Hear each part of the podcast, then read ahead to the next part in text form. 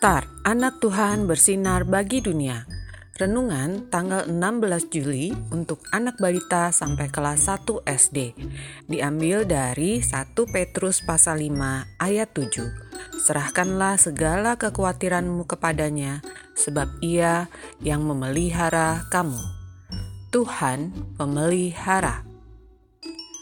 Pada zaman dahulu, banyak manusia berbuat jahat Tuhan ingin mengubah manusia di bumi.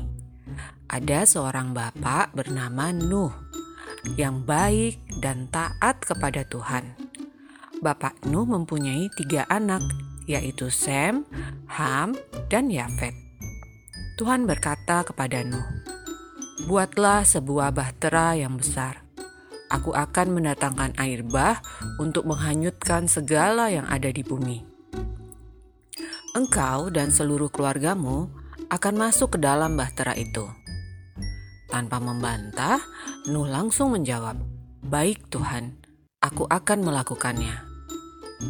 Tuhan juga menyuruh Nuh untuk membawa masing-masing sepasang dari seluruh jenis hewan. Semua hewan itu naik ke dalam bahtera. Nuh juga membawa persediaan makanan. Nuh melakukan semua yang diperintahkan Tuhan. Wah, binatang apa saja itu?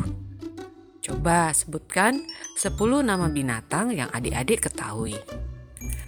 Adik-adik, Tuhan senang kalau adik-adik menjadi anak baik dan taat kepada Tuhan. Yuk, seperti Bapak Nuh yang taat kepada Tuhan, jangan lupa untuk mewarnai gambar di bawah ini ya.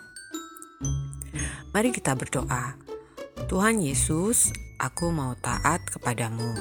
Mampukan aku ya Tuhan. Terima kasih Tuhan Yesus. Amin.